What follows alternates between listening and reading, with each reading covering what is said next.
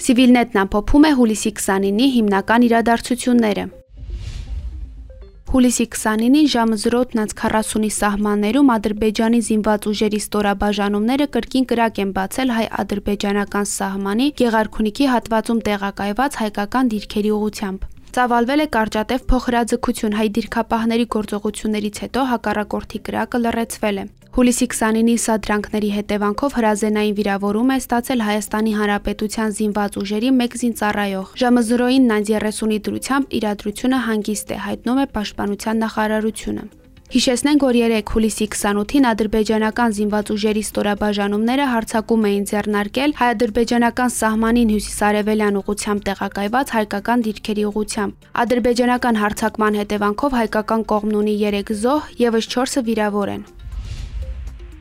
Հայաստանն առաջարկում է դիտարկել հայ-ադրբեջանական սահմանի ողջ երկայնքով ռուս սահմանապահների հենակետերի տեղակայումը սահմանազատման ու սահմանագծման աշխատանքները ռազմական բախումներից զերծ պահելու նպատակով։ Հուլիսի 29-ի կառավարության նիստի մեկնարկին այս մասին հայտարարեց վարչապետի պաշտոնակատար Նիկոլ Փաշինյանը։ Այս թեման պատրաստվում են քննարկել մեր ռուս գործընկերների հետ, ասաց Փաշինյանը շեշտելով, որ Հայաստանը սահմանագծման ու սահմանազատման աշխատանքներ կարող է իրականացնել, եթե ամբողջական զորքերը հայելային եղանակով հեռանան Հայաստանի տարածքից։ Իհեճուկս այն բանի, որ ոչ նոյեմբերի 9-ի հայտարարության 9-րդ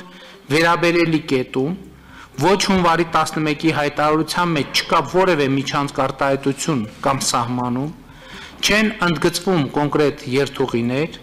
Ադրբեջանը շարունակում է արծարծել ինչ որ միջանցքի թեմա, մատնանշելով կոնկրետ երթուղիներ եւ ուղություններ։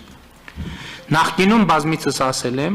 որ Հայաստանը չի քննարկել, չի քննարկում եւ չի քննարկելու միջանցքային տրամաբանության որևէ հարց Փաշինյանի առաջարկը կատարելու պատրաստակամության վերաբերյալ հարցին այսօր Ռուսաստանի նախագահի մամուլի քարտուղար Դիմիտրի Պեսկովն ասել է, որ Երևանի հետ շփումները շարունակվում են։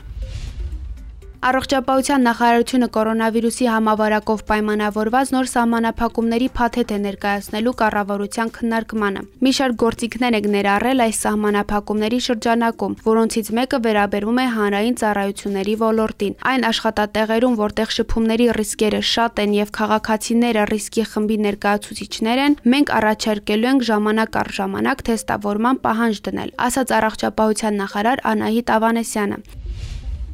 ԱՄՆ-ի ներկայացուցիչների պալատն ընդունել է կոնգրեսական Ֆրենկ Փալոնի կողմից ներկայացված լրացումը, որը դադարեցնում է ԱՄՆ-ի ռազմական օգնությունը Ադրբեջանին։ Փալոնի ներկայացված փոփոխության մեջ ասված է. Միջազգային ռազմական կրթություն եւ ուսուցում, ինչպես նաեւ արտաքին ռազմական ֆինանսավորման ծրագրի միջոցով հատկացվող որևէ ֆինանսավորում չի տրամադրվելու Ադրբեջանին։ Նշվում է, որ դրույթը չի արգելափակում հայեցողական ռազմական տեխնիկայի տրամադրումը, որը կարող է փոխանցել Պաշտպանության դեպարտամենտի կողմից ԱՄՆ-ի օրենքների 333-րդ հոդվածի համաձայն։ Ինչպես տեղեկացրել են Ամերիկայի հայդատի հանձնախմբի Վաշինգտոնյան գրասենյակից, այժմ աշխատանքներ են տարվում նաև այդ ուղությամբ։